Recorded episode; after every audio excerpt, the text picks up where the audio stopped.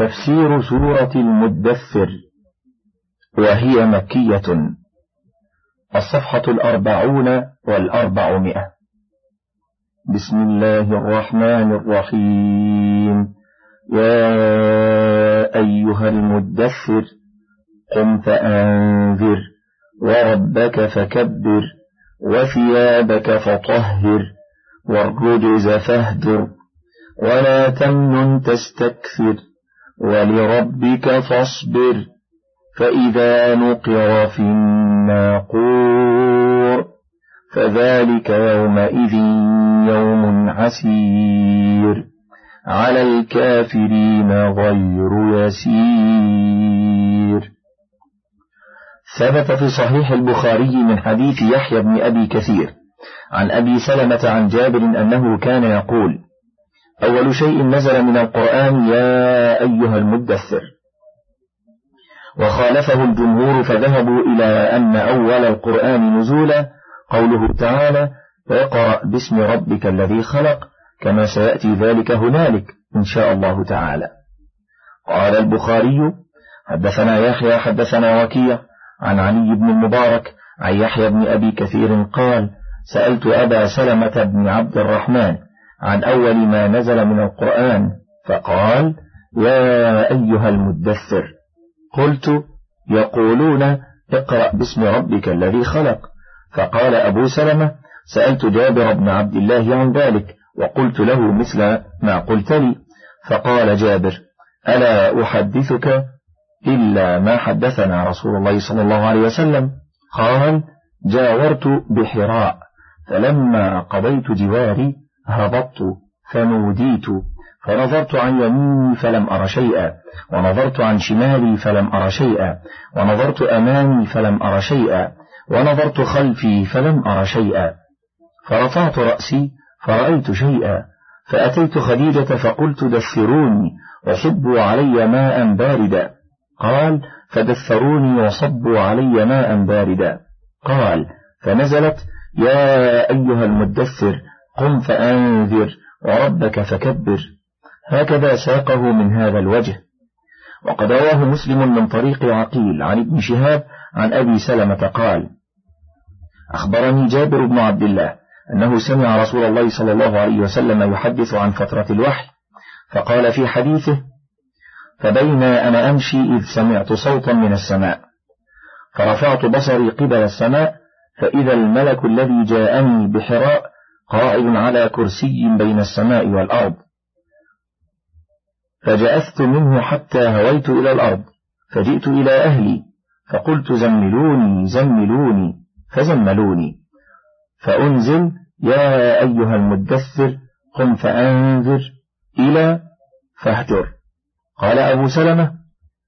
والرجز الأوثان ثم حمي الوحي وتتابع هذا لفظ البخاري وهذا السياق هو المحفوظ وهو يقتضي أنه قد نزل الوحي قبل هذا لقوله فإذا الملك الذي كان بحراء وهو جبريل حين أتاه بقوله اقرأ باسم ربك الذي خلق خلق الإنسان من علق اقرأ وربك الأكرم الذي علم بالقلم علم الإنسان ما لم يعلم ثم إنه حصل بعد هذا فترة ثم نزل الملك بعد هذا ووجه الجمع أن أول شيء نزل بعد فترة الوحي هذه السورة كما قال الإمام أحمد حدثنا حجاج حدثنا ليث حدثنا عقيل عن ابن شهاب قال سمعت أبا سلمة بن عبد الرحمن يقول أخبرني جابر بن عبد الله أنه سمع رسول الله صلى الله عليه وسلم يقول ثم فتر الوحي عني فترة فبينا أنا أمشي سمعت صوتا من السماء فرفعت بصري قبل السماء فإذا الملك الذي جاءني قاعد على كرسي بين السماء والأرض فجاءت منه فرقا حتى هويت إلى الأرض فجئت أهلي فقلت لهم فزملوني زملوني فزملوني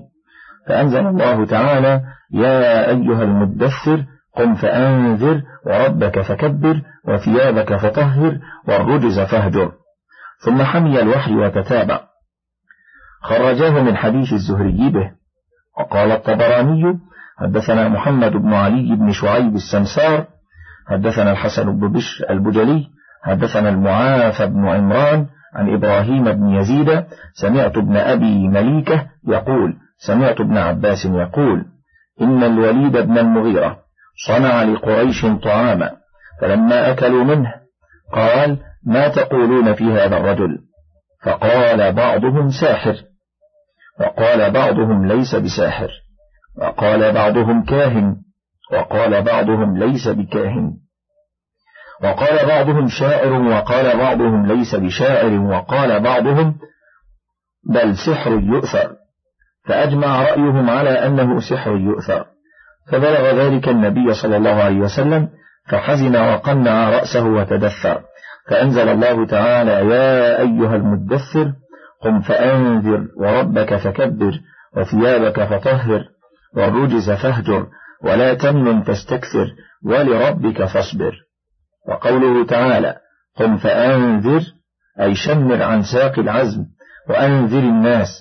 وبهذا حصل الإرسال كما حصل بالأول النبوة وربك فكبر أي عظم وقوله تعالى وثيابك فطهر قال الأجلح الكندي عن عكرمة عن ابن عباس أنه أتاه رجل فسأله عن هذه الآية وثيابك فطهر قال لا تلبسها على معصية ولا على غدرة ثم قال إني سمعت قول غيلان ابن سلمة الثقفي فإني بحمد الله لا ثوب فاجر لبست ولا من غدرة أتقنع وقال ابن دريد عن عطاء عن ابن عباس في هذه الآية وثيابك فطهر قال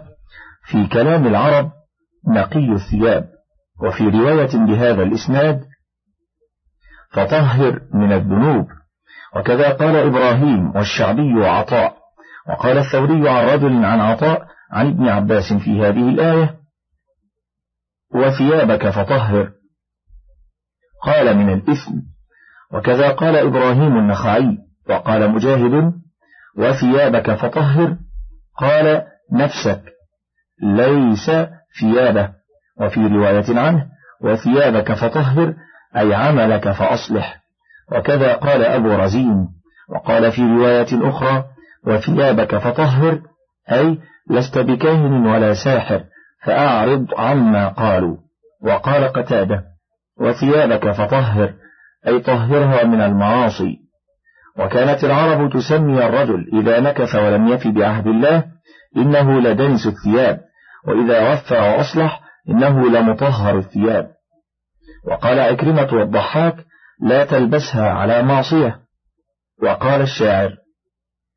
إذا المرء لم يدنس من اللؤم عرضه فكل رداء يرتديه جميل وقال العوفي عن ابن عباس وثيابك فطهر يعني لا تكن ثيابك التي تلبس من مكسب غير طائب ويقال لا تلبس ثيابك على معصية وقال محمد بن سيرين وثيابك فطهر أي اغسلها بالماء وقال ابن زيد كان المشركون لا يتطهرون فأمره الله أن يتطهر وأن يطهر ثيابه وهذا القول اختاره ابن جرير وقد تشمل الآية جميع ذلك مع طهارة القلب فإن العرب تطلق الثياب عليه كما قال امرؤ القيس أفاطمة مهلا بعض هذا التدلل وإن كنت قد أزمعت هجري فأجملي وإن تك قد ساءتك مني خلقة فسلي ثيابي من ثيابك تنسلي وقال سعيد بن جبير وثيابك فطهر وقلبك ونيتك فطهر وقال محمد بن كعب القرضي والحسن البصري وخلقك فحسن وقوله تعالى والرجز فاهجر قال علي بن أبي طلحة عن ابن عباس والرجز وهو الأصنام فاهجر وكذا قال مجاهد وعكرمة وقتادة والزهري وابن زيد إنها الأوثان وقال إبراهيم والضحاك والرجز فاهجر أي اترك المعصية وعلى كل تقدير فلا يلزم تلبسه بشيء من ذلك كقوله تعالى يا أيها النبي اتق الله ولا تطع الكافرين والمنافقين وقال موسى لأخيه هارون اخلفني في قومي وأصلح ولا تتبع سبيل المفسدين وقوله تعالى ولا تمن تستكثر قال ابن عباس لا تعطي العطية تلتمس أكثر منها وكذا قال أكرمة ومجاهد وعطاء وطاوس وأبو الأحوص وإبراهيم النخعي والضحاك وقتادة والسدي وغيرهم وروي عن ابن مسعود أنه قرأ ولا تمن أن تستكثر وقال الحسن البصري لا تمن بعملك على ربك تستكثره وكذا قال الربيع بن أنس واختاره ابن جرير وقال خصيف عن مجاهد في قوله تعالى ولا تمن تستكثر قال لا تضعف أن تستكثر من الخير قال تمن في كلام العرب تضعف وقال ابن زيد لا تمن بالنبوة على الناس تستكثرهم بها تأخذ عليه عوضا من الدنيا هذه أربعة أقوال والأظهر القول الأول والله أعلم وقوله تعالى ولربك فاصبر أي اجعل صبرك على أذاهم لوجه ربك عز وجل قاله مجاهد وقال إبراهيم النخعي اصبر عطيتك لله عز وجل وقوله تعالى فإذا نقر في الناقور فذلك يومئذ يوم عسير على الكافرين غير يسير قال ابن عباس ومجاهد والشعبي وزيد بن أسلم والحسن وقتادة والضحاك والربيع بن أنس والسدي وابن زيد الناقور الصور قال مجاهد وهو كهيئة القرن وقال ابن أبي حاتم حدثنا أبو سعيد الأشج حدثنا أصباط بن محمد عن مطرف عن عطية الأوفي عن ابن عباس فإذا نقر في الناقور فقال قال رسول الله صلى الله عليه وسلم كيف أنعم وصاحب القرن قد التقم القرن وحنى جبهته ينتظر متى يؤمر فينفخ فقال أصحاب رسول الله صلى الله عليه وسلم فما تأمرنا يا رسول الله قال قولوا حسبنا الله ونعم الوكيل على الله توكلنا وهكذا رواه الإمام أحمد عن أصباط به ورواه ابن جرير عن أبي كريب عن أبي فضيل وأسباط كلاهما عن مطرف به ورواه من طريق أخرى عن الأوفي عن ابن عباس به وقوله تعالى فذلك يومئذ يوم عسير أي شديد على الكافرين غير يسير أي غير سهل عليهم كما قال تعالى يقول الكافرون هذا يوم عسر وقد روينا عن زرارة بن أوفى قاضي البصرة أنه صلى بهم الصبح فقرأ هذه السورة فلما وصل إلى قوله تعالى فإذا نقر في الناقور فذلك يومئذ يوم عسير على الكافرين غير يسير شهق شهقة ثم خر ميتا رحمه الله تعالى ذرني ومن خلقت وحيدا وجعلت له مالا ممدودا وبنين شهودا ومهدت له تمهيدا ثم يطمع أن أزيد كلا إنه كان لآياتنا عنيدا سأرهقه صعودا إنه فكر وقدر فقتل كيف قدر ثم قتل كيف قدر ثم نظر ثم عبس وبسر ثم أدبر واستكبر فقال إن هذا إلا سحر يؤثر إن هذا إلا قول البشر سأصليه سقر وما أدراك ما سقر لا تبقي ولا تذر لواحة للبشر عليها تسعة عشر يقول تعالى متوعدا بهذا الخبيث الذي أنعم الله عليه بنعم الدنيا فكفر بأنعم الله وبدلها كفرا وقابلها بالجحود بآيات الله والافتراء عليها وجعلها من قول البشر وقد عدد الله عليه نعمه حيث قال تعالى ذرني ومن خلقت وحيدا أي خرج من بطن أمه وحده لا مال له ولا ولد ثم رزقه الله تعالى مالا ممدودا أي واسعا كثيرا قيل ألف دينار وقيل مئة ألف دينار وقيل أرضا يستغلها وقيل غير ذلك وجعل له بنين شهودا قال مجاهد لا يغيبون أي حضورا عنده لا يسافرون بالتجارات بل مواليهم وأجراؤهم يتولون ذلك عنهم وهم قعود عند أبيهم يتمتع بهم ويتملى بهم وكانوا فيما ذكره السدي وأبو مالك وعاصم بن عمر ابن قتادة ثلاثة عشر وقال ابن عباس ومجاهد كانوا عشرة وهذا أبلغ في النعمة وهو إقامتهم عنده ومهدت له تمهيدا أي مكنته من صنوف المال والأثاث وغير ذلك ثم يطمع أن أزيد كلا إنه كان لآياتنا عنيدا أي معاندا وهو الكفر على نعمه بعد العلم قال الله تعالى سأرهقه صعودا قال الإمام أحمد حدثنا حسن حدثنا ابن لهيعة عن دراج عن أبي الهيثم عن أبي سعيد عن رسول الله صلى الله عليه وسلم قال ويل واد في جهنم يهوي فيه, فيه الكافر أربعين خريفا قبل أن يبلغ قاره والصعود جبل من نار يتصعد فيه الكافر سبعين خريفا ثم يهوي به كذلك فيه أبدا وقد رواه الترمذي عن عبد بن حميد عن الحسن بن موسى الأشيب به ثم قال غريب لا نعرفه إلا من حديث ابن لهيعة عن دراج كذا قال وقد رواه ابن جرير عن يونس عن عبد الله بن وهب عن عمرو بن الحارث عن دراج وفيه غرابة ونكارة وقال ابن أبي حاتم حدثنا أبو زرعة وعلي بن عبد الرحمن المعروف بعلان المقري قال حدثنا من جاب أخبرنا شريك عن عمار الدهمي عن عطية العوفي عن أبي سعيد عن النبي صلى الله عليه وسلم سأرهقه صعودا قال هو جبل في النار من نار يكلف أن يصعده فإذا وضع يده ذابت وإذا رفعها عادت فإذا وضع رجله ذابت وإذا رفعها عادت ورواه البزار وابن جرير من حديث شريك به وقال قتادة عن ابن عباس صعودا صخرة في جهنم يسحب عليها الكافر على وجهه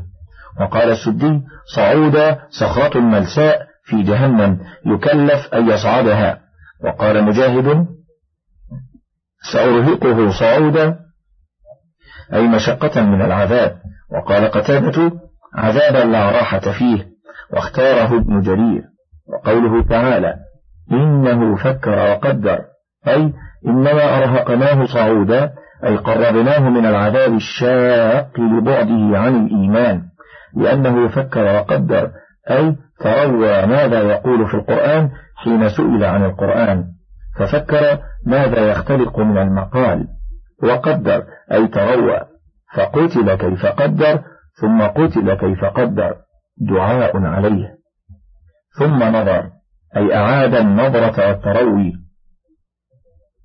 ثم عبس أي قبض بين عينيه وقطب وبسر أي كلح وكره ومنه قول توبة ابن حمية وقد راغني منها صدود رأيته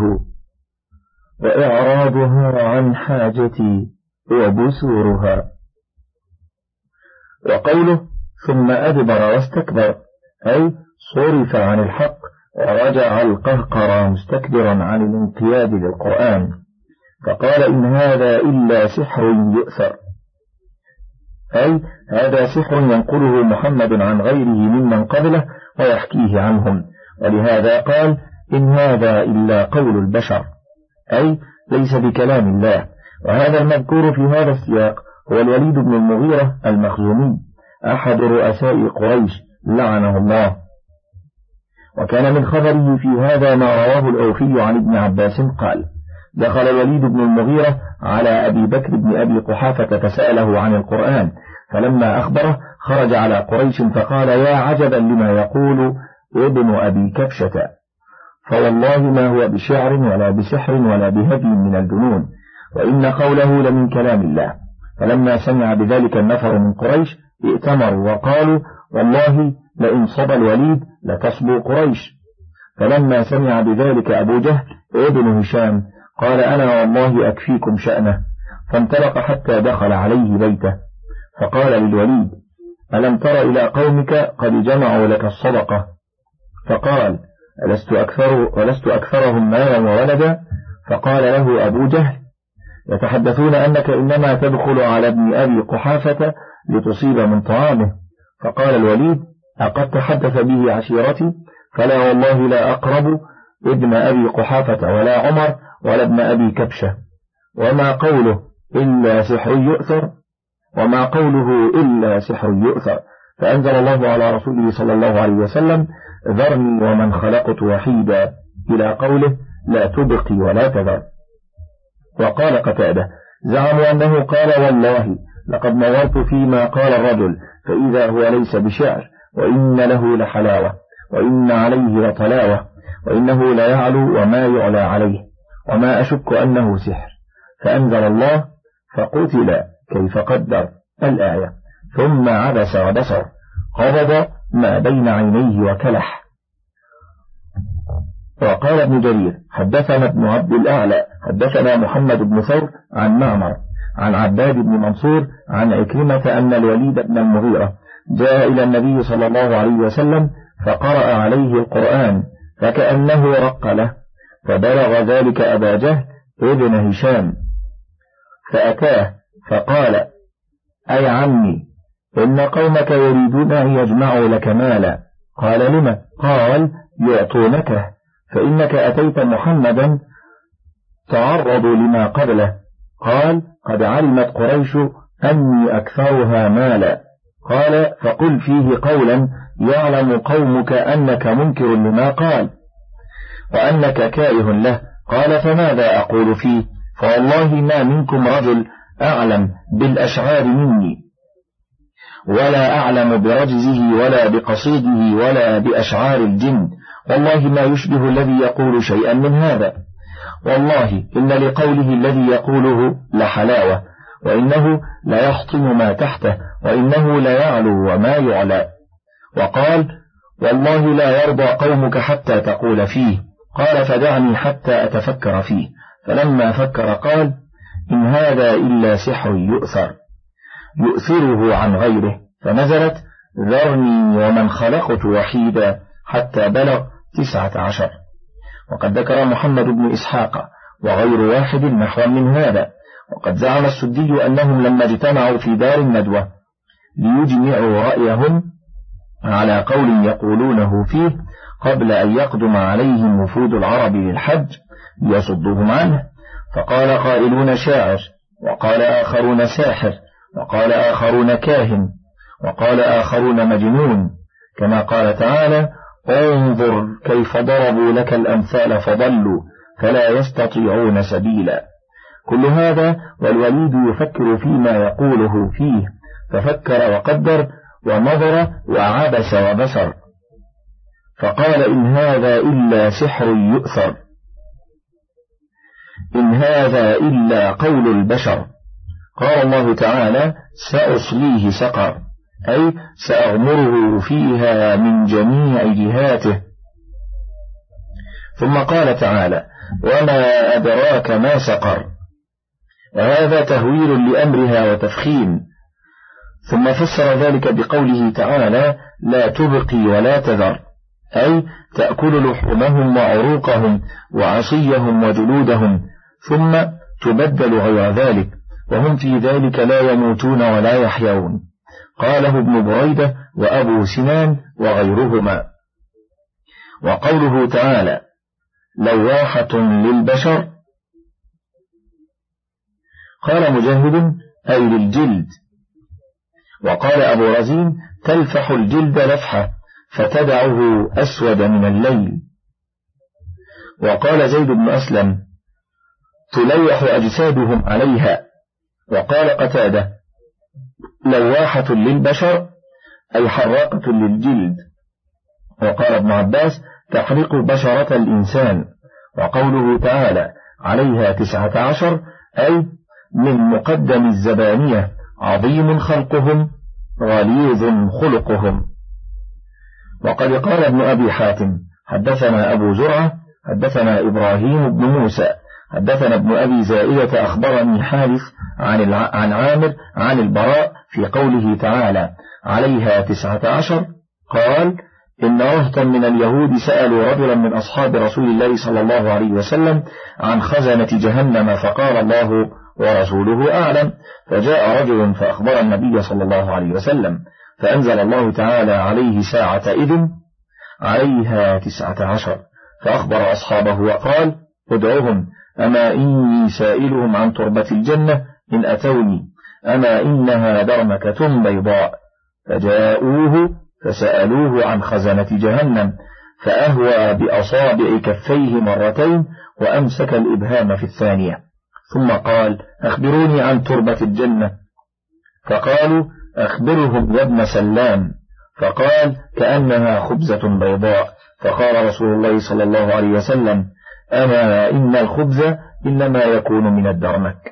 هكذا وقع عند ابن أبي حاتم عن البراء والمشهور عن جابر بن عبد الله كما قال الحافظ أبو بكر البزار في مسنده حدثنا منده حدثنا أحمد بن عبيدة أخبرنا سفيان ويحيى بن حكيم حدثنا سفيان عن مجالد عن الشعبي عن جابر بن عبد الله رضي الله عنه قال جاء رجل إلى النبي صلى الله عليه وسلم فقال يا محمد غلب أصحابك اليوم فقال بأي شيء قال سألتهم يهود هل أعلمكم نبيكم عدة خزنة أهل النار قالوا لا نعلم حتى نسأل نبينا صلى الله عليه وسلم قال رسول الله صلى الله عليه وسلم أفغلب قوم يسألون عما لا يعلمون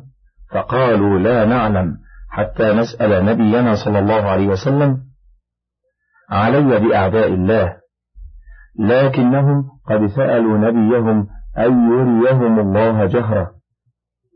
فأرسل إليهم فدعاهم قالوا يا أبا القاسم كم عدة خزنة أهل النار قال هكذا وطبق كفيه ثم طبق كفيه مرتين وعقد واحدة وقال لأصحابه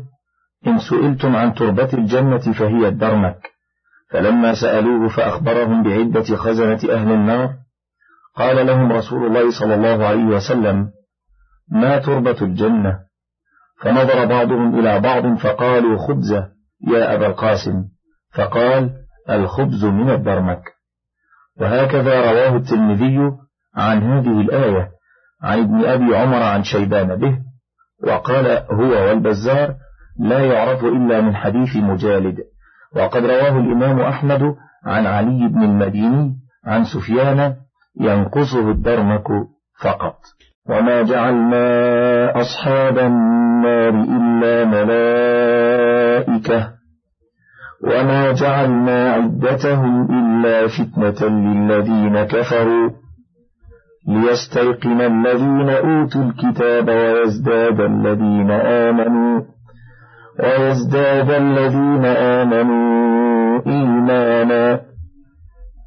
ولا يرتاب الذين أوتوا الكتاب والمؤمنون وأن يقول الذين في قلوبهم مرض والكافرون ماذا ماذا أراد الله بهذا مثلا كذلك يضل الله من يشاء ويهدي ويهدي من يشاء وما يعلم جنود ربك إلا هو وما هي إلا ذكرى للبشر كلا والقمر والليل إذ أدبر والصبح إذا أسفر إنها لإحدى الكبر نذيرا للبشر لمن شاء منكم أن يتقدم أن يتقدم أو يتأخر يقول تعالى وما جعلنا أصحاب النار أي خزانها إلا ملائكة أي زبانية غلاظا شدادا وذلك رد على مشركي قريش حين ذكر عدد الخزنة فقال أبو جهل يا معشر قريش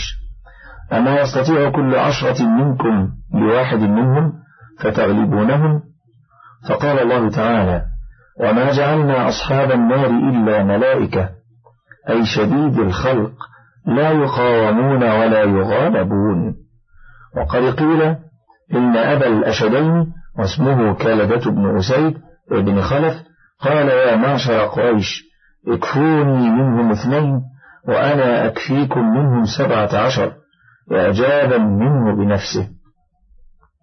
وكان قد بلغ من القوة فيما يزعمون أنه كان يقف على جلد البقرة ويجاذبه عشرة لينزعوه من تحت قدميه فيتمزق الجلد ولا يتزحزح عنه قال السهيلي وهو الذي دعا رسول الله صلى الله عليه وسلم إلى مصارعته وقال إن صرعتني آمنت بك فصرعه النبي صلى الله عليه وسلم مرارا فلم يؤمن قال وقد نسب ابن إسحاق خبر المصارعة إلى ركانة بن عبد يزيد بن هاشم بن المطلب قلت ولا منافاة بين ما ذكره والله أعلم لا منافاة هنا بين ما ذكره هذا وهذا وقوله تعالى وما جعلنا عدتهم إلا فتنة للذين كفروا أي إنما ذكرنا عدتهم أنهم تسعة عشر اختبارا منا للناس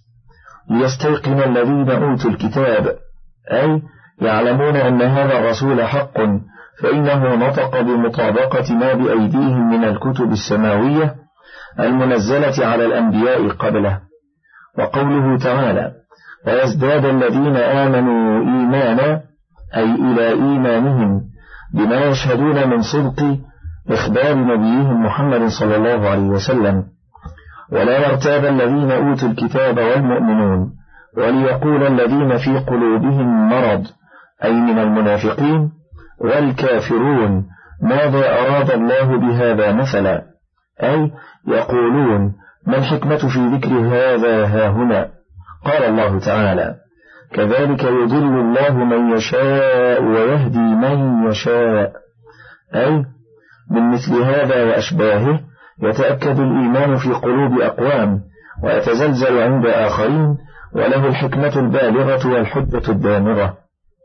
وقوله تعالى وما يعلم جنود ربك إلا هو أي ما يعلم عددهم وكثرتهم إلا هو تعالى لئلا يتوهم متوهم أنهم تسعة عشر فقط كما قد قاله طائفة من أهل الضلالة والجهالة من الفلاسفة اليونانيين ومن شايعهم من الملتين الذين سمعوا هذه الآية فأرادوا تنزيلها على العقول العشرة والنفوس التسعة التي اخترعوا دعواها وعجزوا عن إقامة الدلالة على مقتضاها فافهموا صدر هذه الآية وقد كفروا بآخرها وهو قوله وما يعلم جنود ربك إلا هو وقد ثبت في حديث الإسراء المروي في الصحيحين وغيرهما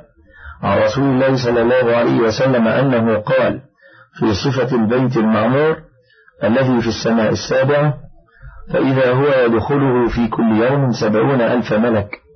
لا يعودون إليه آخر ما عليهم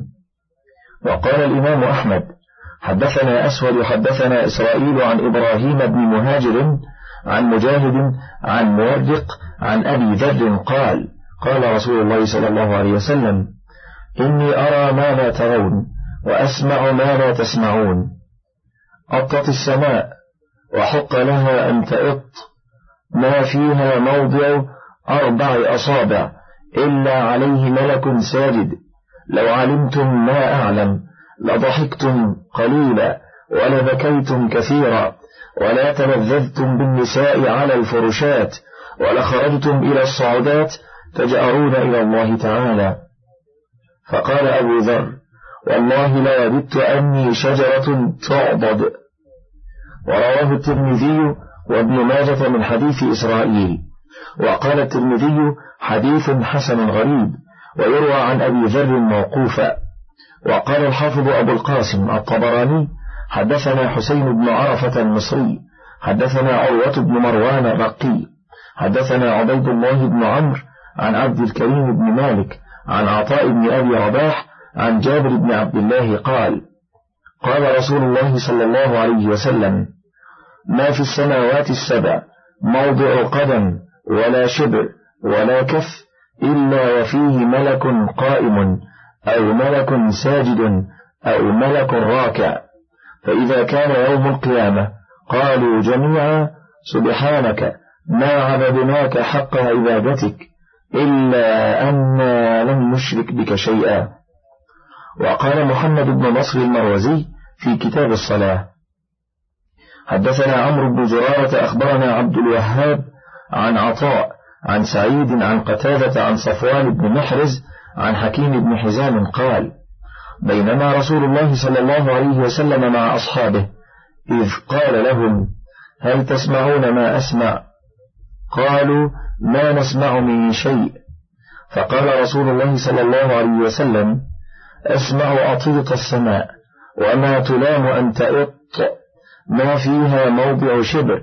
إلا وعليه ملك راكع أو ساجد وقال أيضا حدثنا محمد بن عبد الله بن قهذاذ حدثنا أبو معاذ الفضل بن خالد النحوي حدثنا عبيد بن سليمان الباهلي سمعت الضحاك بن مزاحم يحدث عن مسروق بن الأجدع عن عائشة أنها قالت قال رسول الله صلى الله عليه وسلم ما في السماء الدنيا موضع قدم إلا عليه ملك ساجد أو قائم وذلك قول الملائكة وما منا إلا له مقام معلوم وإنا لنحن الصافون وإنا لنحن المسبحون وهذا مرفوع غريب جدا ثم رواه عن محمد بن آدم عن أبي معاوية عن الأعمش عن أبي الضحى عن مسروق عن ابن مسعود أنه قال إن من السماوات سماء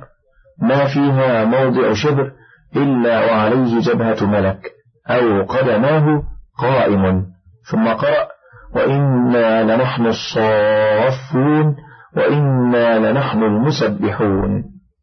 ثم قال حدثنا أحمد بن سيار حدثنا أبو جعفر محمد بن خالد الدمشقي المعروف بابن أمه حدثنا المغيرة بن عمر بن عطية من بني عمرو بن عوف حدثني سليمان بن أيوب عن سالم بن عوف حدثني عطاء بن زيد ابن مسعود من بني الحبلي حدثني سليمان بن عمرو بن الربيع من بني سالم حدثني عبد الرحمن بن العلاء من بني ساعدة عن أبيه العلاء بن سعد وقد شهد الفتح وما بعده أن النبي صلى الله عليه وسلم قال يوما لجلسائه هل تسمعون ما أسمع قالوا وما تسمع يا رسول الله قال أطت السماء وحق لها أن تئط إنه ليس فيها موضع قدم إلا وعليه ملك قائم أو راكع أو ساجد وقالت الملائكة وإنا لنحن الصافون وإنا لنحن المسبحون وهذا إسناد غريب جدا ثم قال حدثنا إسحاق بن محمد بن إسماعيل الفروي حدثنا عبد الملك بن قدامة عن عبد الرحمن عن عبد الله بن دينار عن أبيه عن عبد الله بن عمر أن عمر جاء والصلاة قائمة ونفر ثلاثة جلوس أحدهم أبو جحش الليثي فقال قوموا فصلوا مع رسول الله صلى الله عليه وسلم فقام اثنان وأبى أبو جحش أن يقوم وقال لا أقوم حتى يأتي رجل هو أقوى مني ذراعين وأشد مني بطشا فيصرعني ثم يدس وجهي في التراب قال عمر فصرعته ودسست وجهه في التراب فأتى عثمان بن عفان فحجزني عنه فخرج عمر مغضبا حتى انتهى إلى رسول الله صلى الله عليه وسلم فقال ما رأيك يا أبا حفص فذكر له ما كان منه فقال رسول الله صلى الله عليه وسلم إن رضي عمر رحمة والله على ذلك لوددت أنك جئتني برأس الخبيث فقام عمر فوجه نحوه فلما أبعد ناداه فقال اجلس حتى أخبرك بغناء الرب تبارك وتعالى عن صلاة أبي جحش إن لله تعالى في السماء الدنيا ملائكة خشوع لا يرفعون رؤوسهم حتى تقوم الساعة فإذا قامت رفعوا رؤوسهم ثم قالوا ربنا ما عبدناك حق عبادتك وإن لله في السماء الثانية ملائكة سجود لا يرفعون رؤوسهم حتى تقوم الساعة فإذا قامت الساعة رفعوا رؤوسهم وقالوا سبحانك ربنا ما عبدناك حق عبادتك فقال له عمر وما يقولون يا رسول الله فقال أما أهل السماء الدنيا فيقولون سبحان ذي الملك والملكوت وأما أهل السماء الثانية فيقولون سبحان ذي العزة والجبروت وأما أهل السماء الثالثة فيقولون سبحان الحي الذي لا يموت فقلها يا عمر في صلاتك فقال عمر يا رسول الله فكيف بالذي كنت علمتني وأمرتني أن أقوله في صلاتي فقال قل هذا مرة وهذا مرة وكان الذي أمره به أن يقول أعوذ بعفوك من عقابك وأعوذ برضاك من سخطك وأعوذ بك منك جل وجهك هذا حديث غريب جدا بل منكر نكارة نكارة شديدة وإسحاق الفرعي روى عنه البخاري وذكره ابن حبان في الثقات وضاعفه أبو داود والنسائي والعقيلي والدار قطني وقال أبو حاتم الرازي كان صدوقا إلا أنه ذهب بصره فربما لقن وكتبه صحيحة وقال مرة هو مضطرب وشيخه عبد الملك ابن قدامة أبو قتادة الجمحي تكلم فيه أيضا وقال مرة هو مضطرب وشيخه عبد الملك ابن قدامة أبو قتادة الجمحي تكلم فيه أيضا والعجب من الإمام محمد بن نصر كيف رواه ولم يتكلم عليه ولا عرف بحاله ولا تعرض لضعف بعض رجاله غير أنه رواه من وجه آخر عن سعيد بن جبير مرسلا بنحوه ومن طريق أخرى عن الحسن البصري مرسلا قريبا منه ثم قال محمد بن نصر حدثنا محمد بن عبد الله بن قهذاب أخبرنا النضر أخبرنا عباد بن منصور قال سمعت عدي بن أرطاة وهو يخطبنا على منبر المدائن قال سمعت رجلا من أصحاب النبي صلى الله عليه وسلم عن رسول الله صلى الله عليه وسلم قال إن الله تعالى ملائكة ترعد فرائصهم من خيفته ما منهم ملك تقطر منه دمعة من عينه إلا وقعت على ملك يصلي وإن منهم ملائكة سجودا منذ خلق الله السماوات والأرض لم يرفعوا رؤوسهم ولا يرفعونها إلى يوم القيامة وإن منهم ملائكة ركوعا لم يرفعوا رؤوسهم منذ خلق الله السماوات والأرض ولا يرفعونها إلى يوم القيامة فإذا رفعوا رؤوسهم نظروا إلى وجه الله عز وجل قالوا سبحانك ما عبدناك حق عبادتك وهذا إسناد لا بأس به وقوله تعالى وما هي إلا ذكرى للبشر قال مجاهد وغير واحد وما هي أي النار التي وصفت إلا ذكرى للبشر ثم قال تعالى كلا والقمر والليل إذ أدبر أي ولى والصبح إذا أسفر أي أشرق إنها لإحدى الكبر أي العظائم يعني النار قاله ابن عباس ومجاهد وقتادة والضحاك وغير واحد من السلف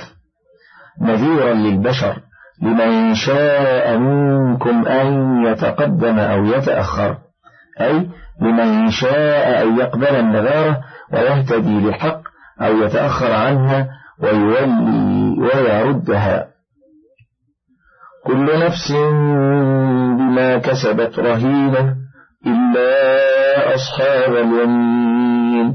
في جنات يتساءلون عن المجرمين ما سلككم في, في سقر قالوا لم نكن من المصلين ولم نك نطعم المسكين وكنا نخوض مع الخائضين وكنا نكذب بيوم الدين حتى أتانا اليقين فما تنفعهم شفاعة الشافعين فما لهم عن التذكرة معرضين كأنهم حمر مستنفرة فرت من قسورة بل يريد كل امرئ منهم أن يؤتى أن يؤتى صحفا منشرة كلا بل لا يخافون الآخرة كلا إنه تذكرة فمن شاء ذكره وما يذكرون إلا أن يشاء الله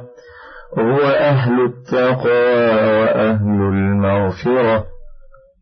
يقول تعالى مخبرا أن كل نفس بما كسبت رهينة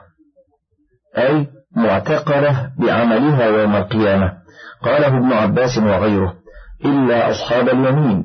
فإنهم في جنات يتساءلون عن المجرمين أي يسألون المجرمين وهم في الغرفات وأولئك في الدركات قائلين لهم ما سلككم في سقر قالوا لم نك من المصلين ولم نك نطعم المسكين أي ما عبدنا ربنا ولا أحسنا إلى خلقه من جنسنا وكنا نخوض مع الخائضين أي نتكلم فيما لا نعلم وقال قتادة كلما غوى غاو غاينا معه وكنا نكذب بيوم الدين حتى أتانا اليقين يعني الموت كقوله تعالى واعبد ربك حتى يأتيك اليقين وقال رسول الله صلى الله عليه وسلم أما هو يعني عثمان بن مضعون فقد جاءه اليقين من ربه قال الله تعالى فما تنفعهم شفاعة الشافعين أي من كان متصفا بمثل هذه الصفات فإنه لا تنفعه يوم القيامة شفاعة شافع فيه لأن الشفاعة إنما تنجع إذا كان المحل قابلا فأما من وافى الله كافرا يوم القيامة فإنه له النار لا محالة خالدا فيها ثم قال تعالى فما لهم عن تذكرة معرضين أي فما لهؤلاء الكفرة الذين قبلك عما تدعوهم إليه وتذكرهم به معرضون كأنهم حمر مستنفرة فرت من قسورة أي كأنهم في نفارهم عن الحق وإعراضهم عنه حمر من حمر الوحش إذا فرت مما يريد صيدها من أسد قاله